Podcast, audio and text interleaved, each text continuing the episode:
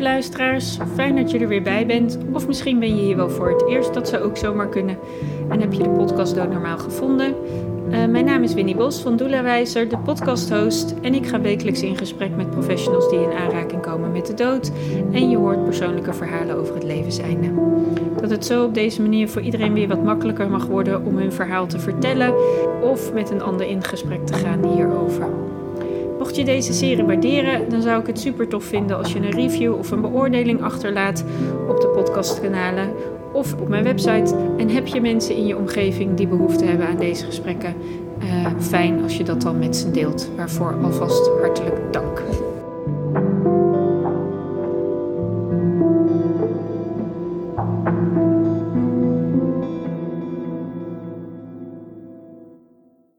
Ik zit vandaag aan tafel met Marion Steur. Ja, Marion. Fijn dat je hier uh, aan tafel zit. Uh, of eigenlijk aan tafel. We zitten online. Waarin jij mij benaderd hebt om hier als gast te zijn. En benaderd omdat jij je afvroeg uh, het onderwerp waar we het zo meteen over gaan hebben. Ja, dat dat eigenlijk wel aandacht mag hebben. En dat heeft eerder in de serie aandacht gehad in de aflevering van Marieke van IJssel, die ik uh, gesproken heb. Marieke is ook een van de meerlingen uh, bij geboorte. En uh, zij heeft nog heel veel andere dingen meegemaakt. Maar dat was ook een van de dingen die in haar geval uh, van toepassing waren. En daar heb jij ook een ervaring mee. Ja, ik ben daar pas achter gekomen toen ik 44 was. Toen had ik een uh, bleker een gezwel in mijn buik te zijn. En dat bleek een van oorsprong embryonaal materiaal te zijn van wat ooit een tweeling had kunnen zullen worden. En uh, op het moment dat ik dat bericht kreeg, was ik eigenlijk alleen maar heel erg blij. Want alle andere gezwellen aan de eierstok, uh, goedaardig, kwaadaardig, goedaardig, maakt niet uit hoe vaak je goedaardig intypt, maar alle andere type gezwellen aan de eierstok, die hadden een heel ander perspectief. Als je dan na vijf jaar er nog bent, dan ben je een hele piet. En, en die dermoïdkiesten, want zo heet dat dan, was eigenlijk, ja, dat was gewoon weghalen en klaar. Dus op het moment dat dat werd gezegd, toen dacht ik, nou, weet je, ik heb de hoofdprijs gewonnen. En um, toen moest ik wel vrij rap worden geopereerd. Dat vond ik dan wel weer bijzonder, want ik liep daar alle tijd mee. Ook, ook met op een gegeven moment de buikpijn, buikpijnklachten die ik eerst had gedacht van ja, god, het zal allemaal wel bij de overgang horen. Maar toen ik dat tegen de huisarts zei van nee, nee, nee, dat hoort niet bij de overgang. We gaan eens even een echo maken. Toen kwam het aan het rollen. Toen moest ik wel snel worden geopereerd. En ja, toen werd inderdaad bevestigd, ja, dit is een dermoïdkieste. Daarin zit embryonaal materiaal. Dit had jouw tweeling kunnen zijn. Maar ja, ik was allemaal snel gegaan. Dus ik was nog een beetje in de, eigenlijk de euforie van, oké, ik heb de hoofdprijs gewonnen. Opereren, weghalen, klaar en niks aan de hand. Want ik was 44 en... Uh, toen ik te horen kreeg van ja, er zit een gezwel, het oogt goed aardig, maar mm, nou ja, dan ga je dat onderzoek in. Dan weet je nog even helemaal niet wat, er, wat het perspectief is. Maar wat ik ook zag, ik had wel zo'n basisgevoel van, ik ben hartstikke fit en ik ben nog niet halverwege. Dus een veel korter perspectief, dat paste ook niet, paste volgens mij niet. Je weet die dingen niet, maar ik had niet het gevoel dat dat het was. Maar goed, ja, dan krijg ik bericht van oké, weghalen, klaar. Dan denk ik, nou ja, oh, ik was blij. En um, nou ja, na die operatie uh, moest ik natuurlijk eerst even een paar maanden herstellen. Uh, want uh, ook al is het dan uh, via kijkding, kijkoperatie, het, het, is toch wel een ingrijpend iets. Dat ze gewoon een, een ja, zeg maar een tennisbal uit je buik halen. Dat is het formaat. Nou ja, dus daar moest ik van bij komen. Maar, en op een gegeven moment ben ik wel, dat was denk ik zeker weer meer dan een half jaar later, was ik bij Centrum Indianenverhalen, heb ik een, uh, een driedaagse pad van kracht gedaan. En dat is dan, ik ben een talig mens, ik ben dichter en vertaler. Centrum Indianenverhalen vond ik al prachtig woord. En ja, pad van kracht, ik zag dat staan, het was een evenement, ik dacht, pad van kracht, dat wil ik. Dus ik heb mij daar zonder enige voorkennis voor ingeschreven. En uh, ik kwam uh, terecht bij een shamanistisch weekend in Winterswijk. Prachtige omgeving, fijne mensen. En ergens in dat weekend heb ik, het, heb ik het aan de orde gesteld van ja, er is ook nog zoiets als dat misschien tweelingen. Ja, maar ik weet ook niet zo. Toen zei Josien, eh, die dat hele weekend deed, die zei nou, daar zijn boeken over geschreven en misschien is het handig om te gaan lezen, want dit kan heel wat betekenen. Toen ben ik gaan lezen en het drama in de moederschoot, is het boek wat ik erbij heb gezocht. En toen ging er gaandeweg wel heel veel open. En nou ja, om te beginnen dat het eigenlijk niet heel bijzonder is om een alleengeboren tweeling te zijn. Uh, omdat dat eigenlijk bij 10% van de mensen is in aanleg een meerling. Dus dat is best veel. Uh, dat, dat, dat daar iets van ingekapseld wordt in een, in een lichaam, dat is, dat is wel bijzonderder. Maar dat dat dingen met je doet en mede ook het heeft mij ook gewoon gevormd tot wie ik ben. En hoe ik reageer op mijn omgeving en op andere mensen en een houding kies. En waarvan ik ook nog steeds denk, ik ben inmiddels 56, maar ja, hallo, dat zouden we toch niet meer doen. Blijf bij jezelf, weet je. Als, als in, die, in die eerste paar weken na de, na de conceptie, al binnen, binnen één of twee weken gaat het, gaat het gehoor functioneren. Terwijl er nog geen hartslag is, geen brein, niks. En weet je, ik heb uit het boek niet helemaal kunnen teruganalyseren van wat is er dan bij mij precies gebeurd. Om intuïtieve redenen heb ik het idee dat de broer, dat het een broer is, was, is. Als dat zo is, dan moet het een twee-eiig gebeuren ooit geweest zijn. En als je dan kijkt van hoe gaat dat met celdelingen, dan moet het in een heel vroeg stadium gebeurd zijn. En dan denk ik, als wanneer er nog geen brein is, er is alleen een hartslag die je hoort. Of geen hartslag, maar bloedsomloop, weet ik veel. Er is geen brein, maar er verandert iets. Wat gebeurt er met die ervaring? Dat gaat in je vezel zitten. Het zit dus overal. En dat zit dus overal en dat spreekt eerder dan alles. Dat is, nou ja, waar we zeggen, je reptiele brein.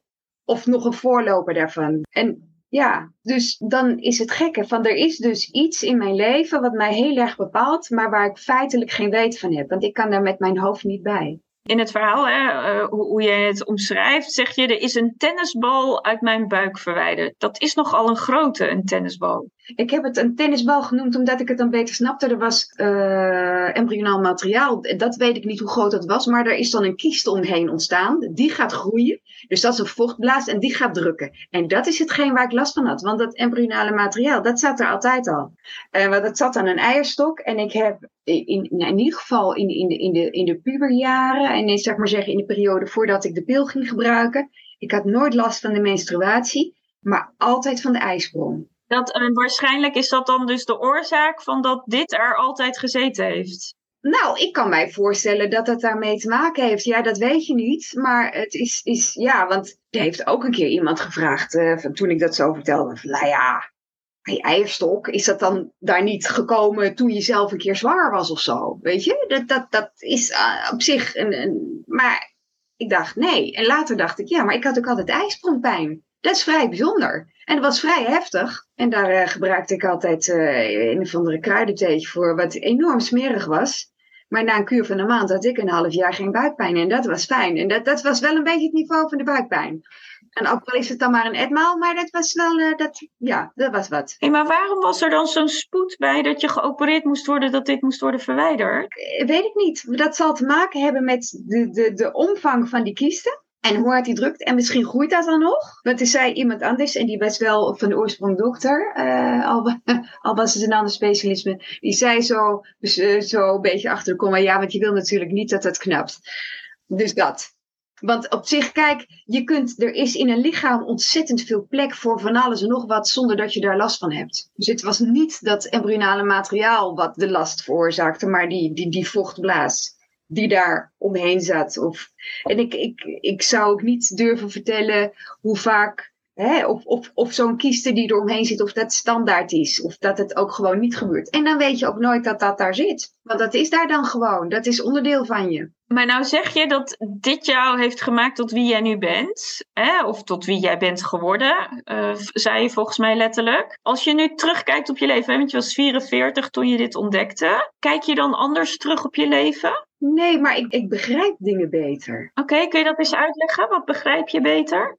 In het omgaan met mensen ben ik heel snel geneigd om alles van mezelf te geven. En ook mensen dingen uit handen te nemen. Uh, waardoor ik ook zo, daar loop ik uiteindelijk ook op leeg. Het is niet handig. En ik vind het heel ingewikkeld om dat anders te doen. Om meer bij mezelf te blijven als mensen ergens mee zitten. Om dan niet uh, ze te gaan helpen. Maar te denken, nou, jij zit daarmee, dat is jouw probleem, zeg maar. En naar derden, onbekenden uh, toe, is dat allemaal niet zo ingewikkeld. Dat heb ik redelijk onder controle gekregen. Maar bijvoorbeeld eerder in werksituaties, in grote, in grote organisaties, had ik altijd het idee dat ik alles moest doen. Weet je, er is een taak. En dan denk je, ja, weet je, ik kan dat. En dan ga je enorm werken. Terwijl het heleboel mensen, die doen veel minder en bereiken veel meer. Is een vorm van efficiëntie. Maar dat is volgens mij bij mij iets van: ik ben hier, ik kan dit, dus ik moet dit. En hoe relateert dat dan aan het feit dat jij een, een, een meerling van geboorte bent? Nou ja, ik denk dat dat ermee te maken heeft dat deze aanleg in mij terecht is gekomen. De vraag die ik nog heb, waarvan ik niet weet of ik daar nog bij in het begin van een antwoord kan komen, is van. Uh, kon ik niet accepteren dat hij wegviel en heb ik hem daarom meegenomen? Geen idee. Wilde hij bij mij mee? Weet ik niet. Voor, voor mijn gevoel maakt dat veel uit. Maar als ik dan naar mezelf terugkijk, dan zou het meer voor de hand liggen dat, dat ik hem heb meegenomen. Omdat je hem niet wilde missen? Ja. Zo van, ja, kan misschien niet zelf, maar dan kom maar mee. Dan... Waarbij je eigenlijk een leven voor twee hebt geleefd in plaats van van één. Ja, en dat is een soort, soort uh, te, te, grote, te grote verantwoordelijkheid meer doen, meer doen dan nodig is, voor mij althans. Ja, dat hoor ik je eigenlijk zeggen als je het verhaal zegt over ja, in de, in de organisaties wilde ik altijd alles doen.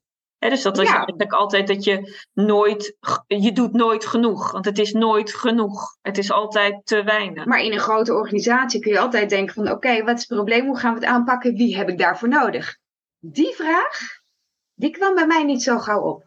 En, uh, en op een gegeven moment ben ik gestopt met werken voor een grote organisatie. Ben ik voor mezelf begonnen. Dus ik ben nou één pitter. Dus dan, uh, dat probleem doet zich niet meer voor. Maar het is natuurlijk even goed niet opgelost. Want ik werk nou gewoon voor mezelf. Weet je? En als ik het dan te druk heb, dan denk ik, oh ja, oh, te veel werk aangenomen. Oh. Ja, maar dat is dus interessant. Dus ook als één pitter heb je ook wel een beetje de neiging, wat je ook in de grote organisaties had. Je wil eigenlijk altijd wel wat te doen hebben. Of liever te veel op de plank dan te nou, weinig. Nee, nee, dat, dat niet. Maar in mijn beginjaren, en dat is dan natuurlijk ook onervarenheid. Uh, als het gaat om vertaalklussen, dan uh, wordt er van we hebben zoveel. Uh, uh, het, de klus is zo groot en het moet dan klaar. Kun je dan? En ook al dacht ik, oh, dat kan niet dan voel ik me in honderdduizend bochten om dat toch klaar te krijgen. Daar doe ik niet meer. Dan zeg ik, weet je, ik wil dat graag doen en ik kan het dan leveren op zijn vroegst. Maar daar heb je dus ook eigenlijk zeg maar ouder voor moeten worden om dan te leren je grenzen te stellen. Ja. En te zeggen, oké, tot hier en niet verder. Ja. Hey, en je zei je bent boeken gaan lezen over meerlingen. Wat, wat, wat is je in die boeken nog meer, of wat is er in de, de informatie die je bent gaan lezen nog meer opgevallen? Waarvan je las en dacht, nou ja, dat staat ook op mijn voorhoofd geschreven. Een, een bazaal gevoel van eenzaamheid wel. Terwijl ik dat op zich niet ben. Terwijl ik ook behoefte heb aan rust. Omdat ik anders te, te veel aan anderen geef. Dus, dus, uh, en wel het ervaren van last op mijn schouders. Maar dat tegelijkertijd ook laten liggen, want ik ben hier en ik kan dat. En heb je ook het gevoel, want dat kan ik me herinneren in het andere gesprek wat ik had uh, rondom meerlingen. Uh, Marieke had dus bijvoorbeeld dat zij nooit, uh, maar daar kwam ze ook pas later in haar leven achter, dat ze eigenlijk nooit echt voor het leven had gekozen. En dat zij uiteindelijk meerdere ervaringen in haar leven tegenkwam, waar de uitnodiging werd aangeboden eigenlijk, wil je nou leven of ga je nou dood? Nee, dat heb ik niet. Maar dat, dat, ik kan me voorstellen dat dat dingen zijn die heel erg te maken hebben met die, met die eerste ontwikkelingen in de baarmoeder, wat er daar gebeurt. stel, er is een soort vorm van schaarste in wat dan ook in die baarmoeder, dan moet er, ja, dan moet er wellicht worden gekozen. Of weet je, dan is er misschien geen levensvatbaarheid voor, voor iedereen. Ik weet niet, maar dat zijn dingen die, die, die herken ik niet. Wat er precies gebeurt in die baarmoeder, dat is bij iedereen anders. Ja, want wat ik je eigenlijk hoor zeggen, is dat de wijze waarop het, het kindje of de kindjes zich ontwikkelen in de baarmoeder. En, hè, want het is best een hele lange periode, maar vooral in dat prille begin, dat zelfs daarin, of hè, wanneer ook de meerling tijdens de zwangerschap mogelijkerwijs ook overlijdt, hè, want dat kan natuurlijk ook bijvoorbeeld aan het einde zijn in plaats van heel erg aan het begin, dat dat ook heel erg bepalend kan zijn voor hoe je je als alleengeboren meerling kan uh, voelen of uh, hoe je leven kan lopen. Dat er, hè, want we, er is natuurlijk zoveel wat we niet weten over ons mens zijn en over ons ontstaan en over uh, doodgaan. En of dat nou gaat over dat prillen of als we al een vol, voltallig leven hebben geleefd. Maar daar kan natuurlijk heel veel in gebeuren in die eerste, in die eerste prille tijden. Of die eerste prille weken. Ik zou bijna zeggen de eerste 10, 12 weken. Dat daar best iets in kan ontstaan wat bepalend is voor jouw verdere leven. Ja, nou wat, wat, wat mij bij is gebleven uit de boeken is uh, dat het meeste, het meeste wat misgaat is inderdaad in die eerste drie maanden, zeg eerste twaalf weken. Daar, daar kan een mens zich niks van herinneren, maar dat het eigenlijk altijd verstrekkende gevolgen heeft. Dus, dus dan gebeurt er wel heel veel. En dat is, ja, die informatie, die gebeurtenissen, die ervaringen blijven ergens. Ja, nou ja, en er is ook al uh, wetenschappelijk aangetoond hè, dat van ieder kindje wat uh, ook bijvoorbeeld de, mis, uh, de miskramen, want dit zou je eigenlijk ook een soort hè, miskraam kunnen noemen. Ja. Ik vind het een rotwoord, maar goed, hè, dat is nou eenmaal als we een kindje verliezen het woord waarop we zoeken, ook op Google. Maar dat er altijd iets van het kindje wat verloren is gegaan bij de moeder achterblijft. Dus genetisch materiaal blijft achter bij de moeder. En er is in het lichaam van een moeder die meerdere miskramen heeft gehad, altijd materiaal terug te vinden van kindjes die ooit daar hebben geleefd. Dat wist ik niet. Ja, dat is uh, Mirjam van Krij, is, uh, van Miskramenbegeleiding Nederland. Uh, die heeft dat ooit met mij gedeeld, dat daar onderzoek naar is gedaan en dat er bewijs is gevonden dat er nog materiaal van die kindjes in de moeder achterblijft. Moet je nagaan. Ja, dus zo fascinerend is ons mens zijn. Hè? Wij denken dan allemaal wat weg is, is weg. Um, maar dat is niet zo. En wat jij ook zegt, dat, wat ik dan mooi vind aan jouw beleving over hoe jij dan als meerling je leven hebt ervaren, hoe die weer anders is als een eerder gesprek wat ik heb gehad. En dat ik ook altijd weer uit alle gesprekken die ik in deze serie met mensen heb, je eh, zet drie gelijke situaties naast elkaar. En toch zijn ze alle drie anders. Want jij bent anders, jouw situatie is anders. En dat maakt uiteindelijk ook het resultaat daarvan, eh, dat dat een andere wending krijgt. Uh, dus we kunnen nooit, hè, dus ja, er zijn heel veel meerlingen die alleen geboren worden, maar ieder heeft zijn eigen verhaal. Ja. Wat ik er wel interessant aan vind, jij zegt je bent 56, dus dat is 12 jaar geleden gebeurd. Wat ik sowieso wel in de afgelopen nou, ik denk twee, drie jaar meer in de media terechtkomt over dat dit fenomeen bestaat. En dat er ook meer boeken over geschreven worden en dat het, uh, dat het benoemd wordt dat het een gegeven is. Ja. En ik denk dat dat vooral van waarde is. Want hoe was dat twaalf jaar geleden toen jij uh, dit ontdekte? Hoeveel was er toen over te vinden? Dat weet ik niet. Want toen uh, Josien zei van lees een boek, toen, uh, ja, dat was, binnen, dat was binnen een jaar daarna. En ik heb dat gekocht 2005. Maar dat is het enige boek wat je erover gelezen hebt? Ja, en, en artikelen links en rechts. En er is een Facebookgroep uh, alleen geboren tweelingen uh, en meerlingen. En, en uh, ik, ik heb vooral ook in mezelf geprobeerd de kanalen open te zetten. En ik ben, um, ik denk dat het een jaar later was heb ik een schrijfweek uh, gedaan. Schrijven van top tot teen. En zoals ik een jaar eerder aansloeg op pad van kracht, sloeg ik aan op van top tot teen. Want ik dacht ik, ja, ik wil schrijven vanuit de buik. En het was een programma dat het hele lichaam afging. In, in, in, in de vijf schrijfdagen van, van, van de voeten, voeten richting hoofd. En uh, met uh, meditatie-elementen. En uh, toen heb ik echt de kanalen opengezet. En ehm, ik schrijf zelf al heel lang, maar ik schrijf eigenlijk altijd gedichten. Daar was het meer proza. En uiteindelijk heb ik er toch een serie gedichten weer van gemaakt. Maar daar heb ik echt ingezoomd. Ik van, ik wil jou ontmoeten. Dus ik heb in, dat, in het systeem van mijn lijf ben ik op zoek gegaan. En, en, en op een gegeven moment heb ik er ook over gedroomd. En werd ik wakker met een soort beeld op mijn netvlies uh, van een omgekeerd zeepaardje. Toen ik later, dat zeepaardje, dat heb ik ook een keer getekend. Later nog een keer gezocht van hoe, hoe vindt de ontwikkeling van embryo's plaats. Er is er ook eentje die ontzettend lijkt op een zeepaardje bij mensen. We komen daar langs. Ik denk, nou, het is goed. Ik, um, het, zal het, het zal daarvoor gestaan hebben op dat moment. Dus ik ben er op die manier ingedoken. Want heel veel boeken lezen, ja, dat is toch ook kennis met het hoofd. En dat is, dat is heel nuttig en zo, en, uh, maar dat is ook beperkt. Dus, uh, dus ik eerst even kijken, wat van kracht heb ik gedaan? Die schrijfweek van top tot teen. En ik denk, ja, er zal wel weer een paar jaar overheen zijn gegaan. Heb ik een basisjaar bij mensen in intuïtie in, in Amersfoort gedaan. Met intuïtief werk, waar je healer zou kunnen worden op den duur. Ik heb het bij het basisjaar gehouden, uiteindelijk.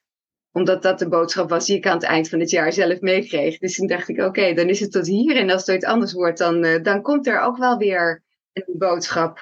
Ja. En ander, weet je, alles wat je bij je hebt aan capaciteiten en kwaliteit van wat dan ook, dat kun je altijd gebruiken maar hoe heeft het je leven veranderd dan, dat je op je 44ste dit ontdekte? Want je leeft er nu dus 12 jaar mee met dit weten. Wat heeft het gebracht? Wat heeft het veranderd in jou? Het heeft mij meer begrip van mezelf opgeleverd in hoe ik met mensen omga. En gaandeweg, en dus ook uh, dus in werksituaties, in, ten opzichte van gezinsleden, in relatie, te veel weggeven en daarin een beetje, zeg maar, verdwijnen in de relatie. Zoals het vroeger in het gezin ging, maar ook dat ik ook in relaties heb gedaan. Mezelf enorm in dienst stellen van het geheel.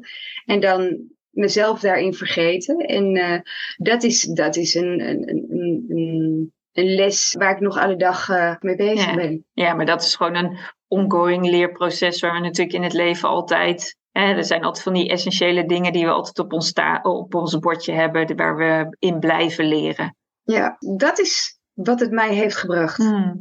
En, en je, je benoemt steeds hè, dat je denkt dat het een broer is geweest. Had je er behoefte aan om hem een naam te geven? Ik heb hem een naam gegeven. Want als ik zelf een jongetje zou zijn geweest, dan zou ik Rens hebben geheten. Dus ik heb hem Rens genoemd. Ja. Mooi.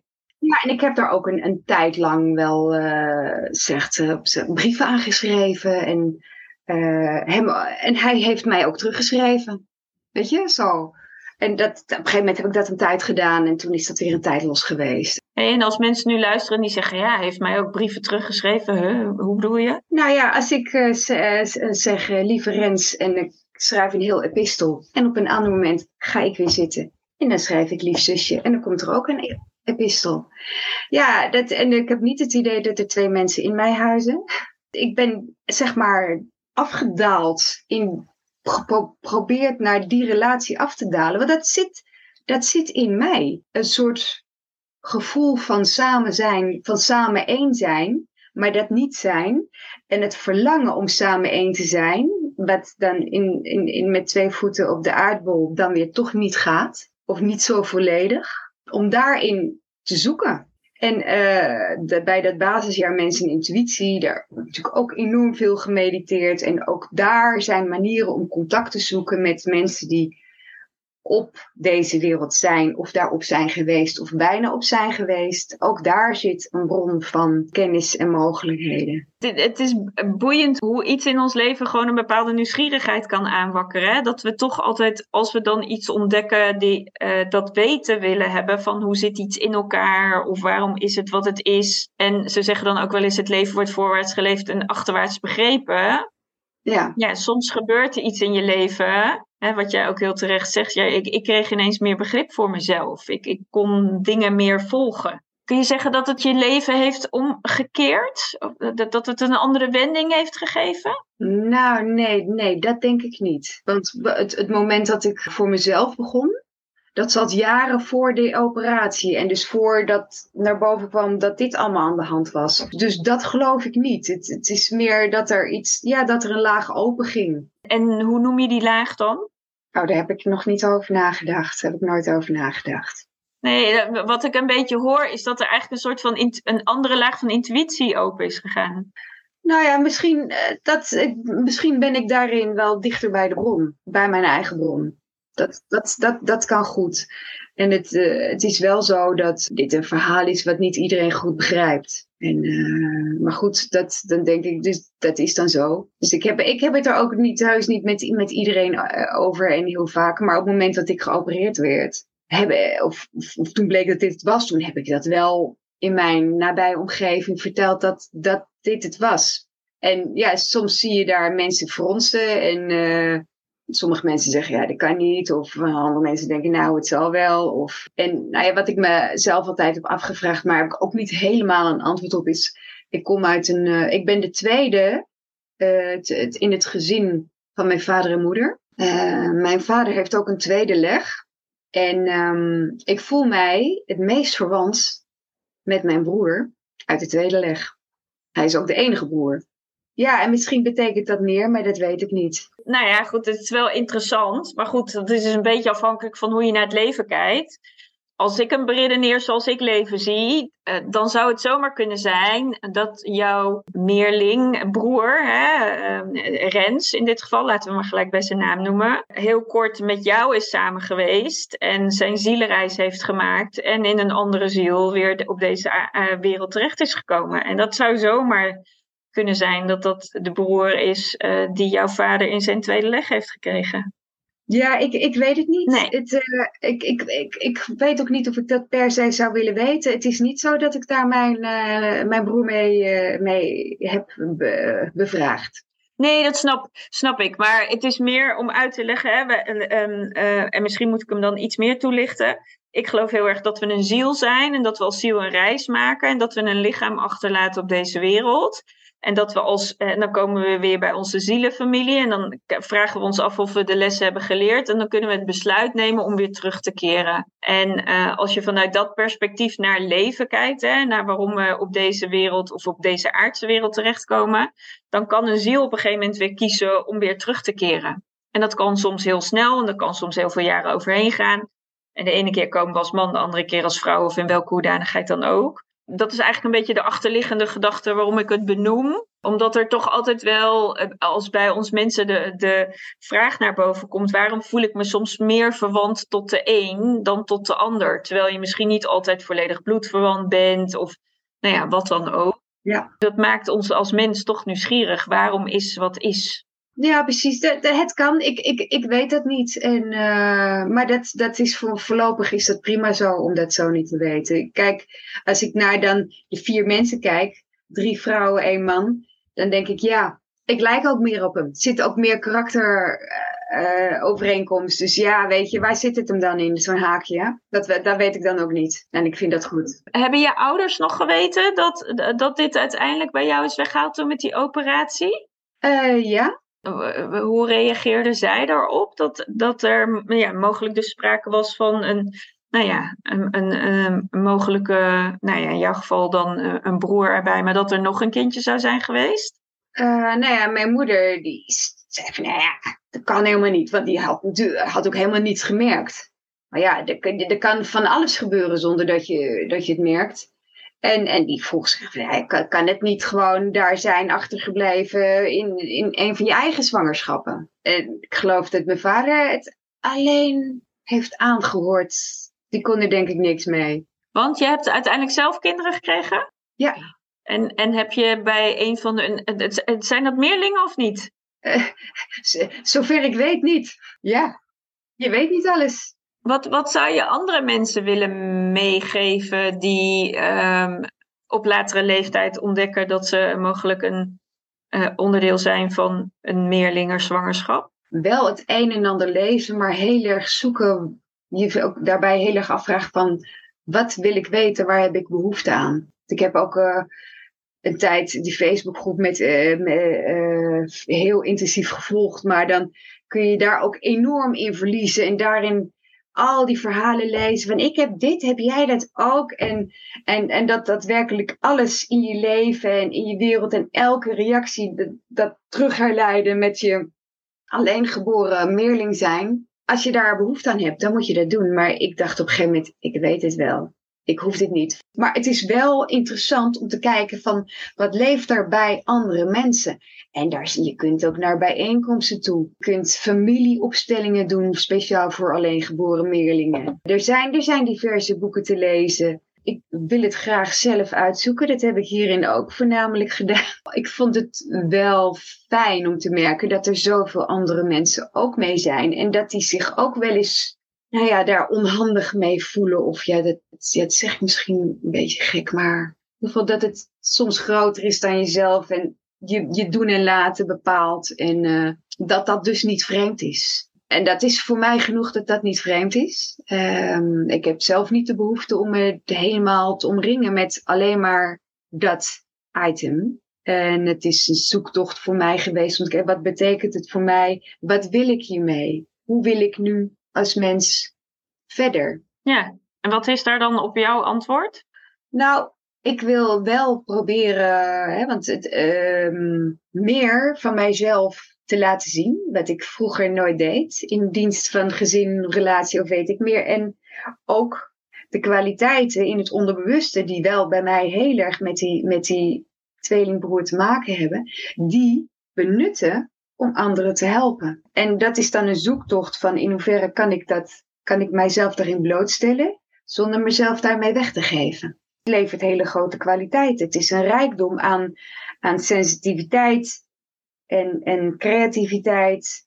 Maar het is ook een schat die leeg kan lopen. Maar je hebt er wel een heel mooi uh, YouTube-filmpje van gemaakt, van het gedicht dat je erover hebt geschreven. Ja. Ik heb hem bekeken en vond het echt heel bijzonder. Ja, nou dat, dat boekje, dat is, uh, het, is, het is een soort uh, boekje op, uh, op aanzichtkaartformaat. En dat, dat is het resultaat van die schrijfweek schrijven van top tot teen. Want dat is, dat is begonnen met, met ja, stukken tekst, maar uiteindelijk moest het dan toch, voor mij, het moest toch poëzie worden.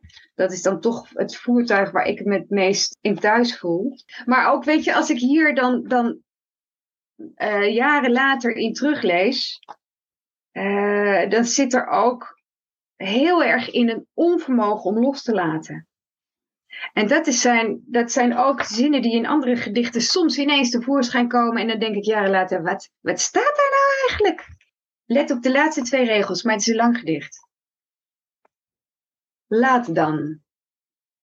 Als je verbaasd om je heen kijkend niets vragend, niet weet wat of waar, terwijl overal hollende voetstappen, red je vege lijf en laat de massa voor. Als je zoveel hebt mee te sjouwen, dat je met volle handen bijna valt, omdat je je voeten niet kunt zien, laat dan alles ineens uit je handen. Als je op een zevensprong stilhoudt, op zoek naar de route die je vergat. Besef dat je nu hier kunt kiezen of laat het vergezicht aan de horizon. Als je snakt naar beschutting, kun je hier terecht voor warm en donker of ruim en behagelijk, zelfs met uitzicht. Laat dan de dingen maar de dingen. Als in een huis met vele vertrekken kun je bij me schuilen. En ik breng je waar je zijn wilt. En meer hoeft niet. Kom binnen en laat mij je dragen. Ja, bijna een jaar geleden kreeg ik, uh, kreeg ik corona en het viel allemaal op zich mee. Maar in de nasleep daarvan uh, bleef de energie laag. Uh, in diezelfde periode was al eerder begonnen werd mijn moeder ziek. Uh, er zou een beperkt, beperkt uitzicht nog zijn. Uh, dus daar ben ik veel meer tijd aan gaan besteden. En ook veel energie aan gaan weggeven. En dat, dat zijn dan allemaal. Eh, en, en ik, kreeg, nou ja, die energie die, die ging, die golfde. En dan denk je, is het nou allemaal post-corona long-covid gedoe? Of hoe zit het nou? Uh, dus dat, daar kom je op een gegeven moment ook gewoon niet achter. Of, want op een gegeven moment kwamen er ook veel meer oude klachten ineens tevoorschijn. bijvoorbeeld langdurige vermoeidheid. Ik heb toen ik, um, ik denk twintig was, een keer acht maanden thuis gezeten. Omdat ik, en ik sliep ook nog twaalf uur per etmaal. En ik weet, ik kon verder echt helemaal niks. Die langdurige vermoeidheid is ook een, een, iets wat bij alleengeboren meerlingen veel voorkomt. Dus die, die stak ook weer de kop op. Terwijl ik dacht, ja maar hallo, dit heb ik al zo lang niet gehad. En dan kom ik een keer bij een gelegenheid langs die regels. Waarschijnlijk op een keer dat ik gewoon een voordracht sta te doen. En dan valt er ineens plonk zo'n kwartje. Dat ik dacht, oh, wat heb ik hier eigenlijk opgeschreven? Want ik heb dat, dat niet bewust in een richting geschreven. Dat, ik heb het geschreven bij, bij, een, bij, een, bij een sculptuur. Dat kwam er zo uit en ik dacht, nou prima, niks meer aan doen. Soms vloeien de dingen zo. Ik, ik, draag, ik draag het ook heel graag voor en het, het, het, mensen ontvangen het ook fijn. Maar ja, dan ineens kijk ik er met andere ogen naar en denk, oh ja, oh ja, dit zijn de automatismen die kennelijk diep in mij verankerd liggen, maar waar ik niet per se bij gebaat ben. Daar is nog een weg te gaan. Ja, dus wat, wat ik er mooi vind, wat je eraan zegt, is dat je soms iets kunt schrijven. Wat in dat moment voelt zoals het voelt. En dat op een ander moment je het weer terugleest.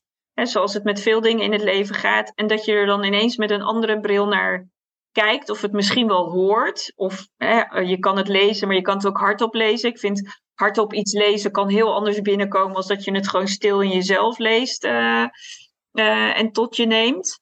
En dat het dan op een hele andere manier kan binnenkomen en ineens weer hele andere blikken in jou openmaakt waarvan je denkt, hè? Ik? Heb ik dat geschreven? Hè, maar... Nou, de, de, de, ik, ik ervaar dat toch meestal anders, want dit gebeurt wel vaker. Maar dat, het, dat ik het schrijf, uh, meer uh, vanuit een andere laag van bewustzijn dan waarmee ik de dingen ervaar. En dan ineens zoveel jaren later, er kan een enorme hoeveelheid tijd overheen gaan. Dan pas denk ik van, oh, wist ik dat toen al? Of weet je, zo. Dat, dat, dat, dat, we bestaan denk ik uit heel veel lagen, heel veel soorten bewustzijn. En, en de, het gemak waarmee uh, de kennis van de ene laag naar de andere laag, of door je hele systeem beweegt, ja, dat, dat, dat is wisselend. Dat is per persoon wisselend, maar ook per periode van leven. Of als ik uh, propvol zit uh, met vertaalklussen, of ik geef dichtworkshops op school, wat ook, dan is dat een hele andere manier van energie en andere concentratie dan wanneer ik mijn hele systeem openzet om te kijken van wat kan ik hier nog eens uit laten komen als ik met eigen werk aan de gang ga. En daar zitten dus soms verrassingen in die dan kennelijk een paar jaar nodig hebben om dan ineens als, uh, naar mij te knipperen voordat bij mij het kwartje valt. Ja, het leven is toch magisch, hè? Ja. Hey, nou heb jij um, met mij contact gezocht omdat je graag je verhaal wilde vertellen. Heb je je verhaal verteld? Nou ja, kijk, ik heb me van tevoren ook afgevraagd van wat wil ik precies vertellen. Maar ook dat is, het is, het is zo uh, niet, het is moeilijk grijpbaar. Dus ik heb niet een, een, een, een concreet verhaal hierover te vertellen. Ik, dus, uh... Nou, het is redelijk concreet wat je vertelt. Ik bedoel, je weet heel erg de feiten en de dingen wel te benoemen. En ja, er is ook een stuk wat nou ja, wat misschien de luisteraar kan denken, ja, ik volg het niet helemaal, vind het vaag, ja, hoezo? Ik heb verschillende lagen en je gaat op verschillende, ja, de een kan dat wel volgen en de ander niet. Dat is ook helemaal oké. Ik bedoel, we hoeven ook niet alles te kunnen volgen. Maar ja. Nou, het is het, het juist in het vage, daar, daar zit, de, ik denk dat iedereen, of die nou wel of niet alleen geboren bedoeld is, zo'n vage ruimte heeft uh, waarvan het heel mooi is om daar goed mee verbonden te zijn. Ik blijf nog een hele tijd op zoek om dat meer één geheel, een meer vloeiend geheel te maken. Maar onze maatschappij doet vooral een beroep op het hoofd en alles moet snel. En er zijn voortdurend allerlei indrukken, dus roef, roef, roef en snel, snel, snel. Dus dan denk ik dat het gevolg daarvan is dat, dat, dat wij in deze wereld steeds meer vanuit ons hoofd leven. En verder wegkomen te staan van al die andere lagen. Maar die zijn ook onderdeel van je systeem. En, uh, en het is heel plezierig, merk ik, om dat meer rond, meer als geheel te hebben. Hè? Daar, weet je, ik, daar doe ik ook de yoga voor. En uh, dat, he, dat, heeft, dat heeft mij trouwens na mijn operatie ontzettend veel gebracht. Oh ja? Yoga. Want uh, dat was. Um, um, ik was uh, 44 op het moment van die, van die operatie. Toen was ik, de overgang was al een jaar aan de gang en ik werd er helemaal niet blij van. En uh, toen met die operatie zijn beide eierstokken weggehaald. Ik had kunnen kiezen voor één waar het gezwel zat. Maar ze zeiden van ja, dan is er ook een kleine kans dat aan de andere kant. Terwijl ik dacht, nou ja, weet je, de overgang is al begonnen. Mijn kinderwens is vervuld. Dus uh, doe mij maar twee voor de prijs van één. Huppakee, weg ermee. Eh, dat even snel. Alleen uh, dan ben je natuurlijk ook de bron van de, van de hormonen meteen. is meteen cold turkey weg. En ehm, ze hadden me wel uh, aangeraden om hormoonkuren te gaan doen, maar dat, alles in mij verzette zich daartegen. Dus dat heb ik niet gedaan. Uh, maar daar heb ik natuurlijk enorm van geweten. Uh, dat was, want ik vond het eerste jaar vond ik de overgang al niet echt leuk, maar daarna werd het redelijk hels. Toen ben ik, en ik had ook het gevoel dat ik, het ging zo hard, de verandering in mijn lijf, dat ik mijn lijf niet meer snapte. Dat is wat ik voelde. En toen dacht ik, want ik had al een beetje uh, eigenhandig met de yoga gestoerd. En toen dacht ik, ik wil yoga en niemand moet mij zeggen hoe ik dat moet doen. Dus ik ben naar een les gegaan. En dat heeft, dat heeft mij heel veel gebracht. En ik was eerst begonnen met de power yoga. En later ben ik bij de yin yoga terechtgekomen. Dat is ongeveer een van de traagste yoga vormen die er is waar het meest is gebeurd. En toen ik voor het eerst daar was, dat was volgens mij ruwweg een jaar na die operatie. Toen uh, deden we een rugbuiger, zoals dat heet. Je moest op je rug liggen, knieën buigen en dan moest je iets onder, onder, je, onder je bekken plaatsen. Dus die billen omhoog. En uh, dat, is, dat is dan zo'n zo'n blok, zeg formaat melkpak. En dan moest je het liefst rechtop zetten en onder dat, onder dat, onder dat uh, been zetten. Zuidbeen. Nou, ik kreeg hem nog niet op de allerplaatste plat eronder. Dus, uh, nou ja, docent erbij en oké, doe maar. En ik dacht, nou ja. En de dag daarna, ik had pijn aan mijn buik. Pijn aan mijn buik, je wil het niet weten. En, en ik dacht, dat, dat, kan dat wel goed zijn? Dat was echt het stond niet in verhouding. Dus een week later, ik kom daar weer en ik vertel dat. En die zei, ja, toen werd me gezegd, weet je, als jij je niet hebt geforceerd, dan kan het geen kwaad.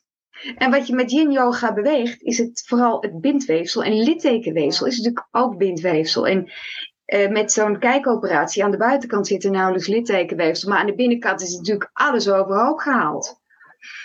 En, en eh, ja, dan achteraf denk ik, ja, dan zal ik dat hele jaar daaraan voorafgaand toch wel een beetje ineengedoken hebben gelopen. Om die pijn daar of de buik te ontzien, de pijn niet te voelen, noem het maar. Daar heb ik veel aan gehad. En ook in de, in de achtbaan van de, van de uh, overgang, daar kwamen, daar is trouwens waar ooit mijn overgang mee begon. En ja, dat was dus uh, nog een poos voor die, uh, voor die operatie. Dat was een enorme paniekaanval. Wat ik in, het geheel niet kende. En ik heb dat toen opgeschreven die datum, paniekaanval. En um, later, toen de overgang zo wild werd na die operatie, toen, toen is dat uitgegroeid tot een soort, ja, oerwoede uitbarstingen. Uh, dat was, die, werden, die werden op een gegeven moment steeds frequenter en ook steeds erger. En ik heb uh, met behulp van de homeopaat die mij dit hele traject heeft uh, ja, geprobeerd te begeleiden om met een beetje de scherpe kantjes eraf te halen. Uh, heb, ik daar, uh, heb ik daar gelukkig, is, is, dat, is dat verzacht. En zijn, zijn die buien op een gegeven moment weggeëpt. Maar ik heb dat later ook, ja, geïdentificeerd als een soort oerverdriet. Wat, er, wat waarschijnlijk dateert uit die eerste fase. En ja, dat weet ik, dat dit is een beetje hinein interpreteren, maar ja, dat, dat, uh, het was wel heel woest en heftig. Nou ja, kijk, ze zeggen natuurlijk wel dat in de tijden van dat vrouwen in de overgang gaan, dat, dat als je al heel veel hebt verwerkt in je leven, uh, wat je hebt geleefd voor je overgang. Hè? Want ja, we hebben allemaal een leven als vrouwen gezien de leeftijd wanneer we in de overgang komen, dat er een leven voorbij is geweest. En als je daar heel veel herstel in hebt gedaan, dan is je overgang vaak ook wat milder. Maar ze zeggen, als er, als er onverwerkt intens verdriet is, dan kan het zomaar zijn dat in die overgangsperiode dat echt met enorme, intense golven en soms hele heftige golven je lichaam, je, je leven in kan komen. En wij relateren dat dan vaak aan van, is er iets in dat moment? Maar dat kan heel goed een boog terug hebben, wat jij zelf ook benoemt, naar een veel eerdere periode in je leven waarin onverwerkt verdriet heeft gezeten. En die zich dan ineens in die overgangsperiode gewoon zo oppopt. Ja. En, uh, en het is altijd interessant, hè, want jij zei al eerder, ja, het, ons leven wordt geleefd vanuit ons hoofd. Hè. Het, het hoofd wordt vooral, uh, heeft de focus, maar we zijn meer dan dat hoofd. En dat hoofd wil dan begrijpen, hè, waarom, waarom gebeurt dit en waarom is dit? En geef me uitleg, want dan, hè, dan heb ik een verklaring. Uh, maar die verklaring is vaak eerder terug te leiden naar veel eerder terug, waarvan we eigenlijk vaak niet alle details weten. Uh, maar ik het dan eigenlijk mooier vind om te kijken, er wordt gewoon heel veel um, uh, onverwerkt verdriet verwerkt. Hè? En waar dat dan over gaat, doet er eigenlijk niet toe. Wees blij dat er iets verwerkt wordt, want je lichaam schoont op. Hoe fantastisch is dat? Hoe vervelend soms ook hè, de situatie kan zijn. Laat, laat ik niet zeggen dat het nou zo fijn is om daar doorheen te gaan, maar Um, ja, weet je, het is wel zo, je, je lichaam is van nature zichzelf aan het opschonen. Ja, dat aan zich vind ik een heel mooi gegeven. Want uh, niet ons hoofd bepaalt dat. Nee, ons, je had het al over die meerdere bewustzijnslagen. Er is iets in ons zijn, in ons bewustzijn, wat maakt dat, dat het voelt dat dit nodig is om, om ja, ruimte te zoeken.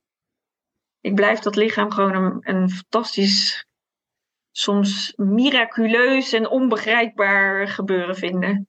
Ja. Maar ongelooflijk wijs in allerlei opzichten. He, want je kunt ook terugzeggen, nadat jij zegt, ja, ik zag allerlei gefronste blikken van mensen om me heen toen ik dit hierachter kwam en geopereerd moest worden. En dat ik zei, ja, ik ben onderdeel van een meerling. En dat iedereen je aankijkt en dacht, hè, wat? Ja, hoe kan het dat zoiets, hè, eh, hoe kan het dat wij later in ons leven, want de meerlingen, daar hoor je vaak van veel mensen dat ze dat veel later in hun leven ontdekken. Er is dus meer dan dat wij zien en weten. Er is dus iets in ons onbewustzijn wat altijd bij ons draagt en op enig moment in ons leven zichtbaar wordt. Ja, bij jou komt het letterlijk fysiek ook in het zicht, maar bij andere mensen gebeurt dat uiteindelijk door andere gebeurtenissen. Dus we hebben gewoon een heel wijs ja, lijf waar heel veel in opgeslagen ligt. Ja, maar als je van die wijsheid gebruik wilt maken, dan is het heel uh, ja, fijn om, om, om, om alles, om, om je hoofd en je lijf en je geest en je ziel en, en alles goed als één geheel hebben. Om de, om, de, om de deurtjes tussen de verschillende afdelingen niet strak te staan. Ja, en dat vind ik dan wel mooi dat jij zegt, dat heb ik vooral ook, eh, dat heb ik in mijn schrijven, maar dat heb ik ook vooral in de yin-yoga uh, gevonden. Ja.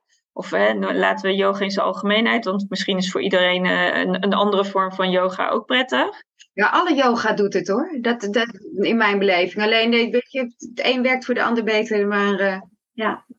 Maar ik vind het inderdaad wel mooi wat je zegt. En, en volgens mij is dat een mooie boodschap om af te sluiten.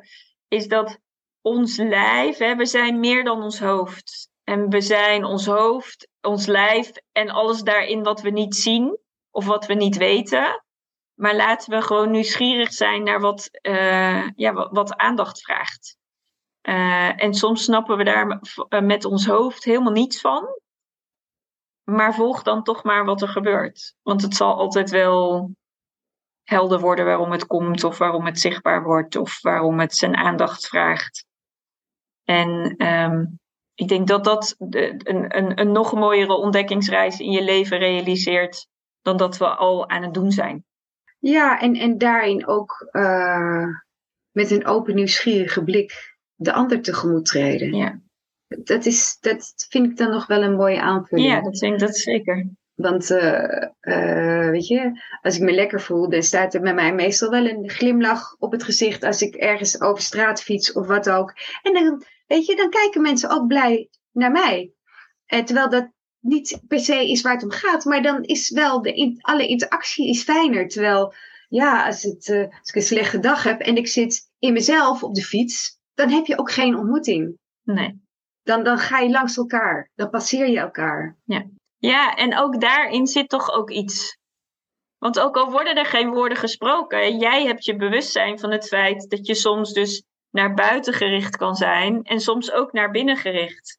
En dat doe je ook om, uh, omdat je soms gewoon voelt dat je de ruimte niet hebt om de ontmoeting met een ander aan te gaan. Dat is waar, ja. En dat mechanisme is ook mooi, want dat is ook een soort van bescherming voor jezelf. En dat vind ik dan weer mooi dat je het zo benoemt, als ik hem dan weer even relateer aan het verhaal wat jij vertelt. Dan ben je dus, dan bescherm je jezelf om niet alles weg te geven, maar gewoon ook even bij jezelf te blijven, omdat je dat op dat moment nodig hebt. Ja. Mag ik dankjewel zeggen? Zeker. En jij bedankt voor dit gesprek. Graag gedaan. Ja, mooi om zo ook dit hele, ja, deze variant van ja, meerlingenzwangerschap, om deze ook weer in het licht te zetten. Om zo ook voor de luisteraars gewoon de verschillende vormen waarin dit voorkomt, uh, ja, ook aandacht te geven. Want uh, ieder verhaal is een verhaal op zich. Dus dank je wel daarvoor. Graag gedaan.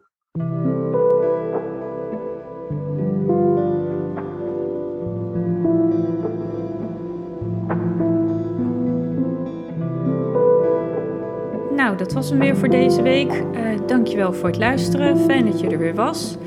Uh, mocht het nou zo zijn dat je vragen hebt of opmerkingen of suggesties of wensen voor onderwerpen of heb je gasten die je kunt aanreiken, dan sta ik er altijd voor open. Uh, dankjewel als je met me mee wilt denken. Uh, hetzelfde voor het delen. deel het met je vrienden, bekenden, familie, wie dan ook in je omgeving. Want hoe meer de verhalen verspreiden, hoe beter het is. En voor nu, tot de volgende aflevering.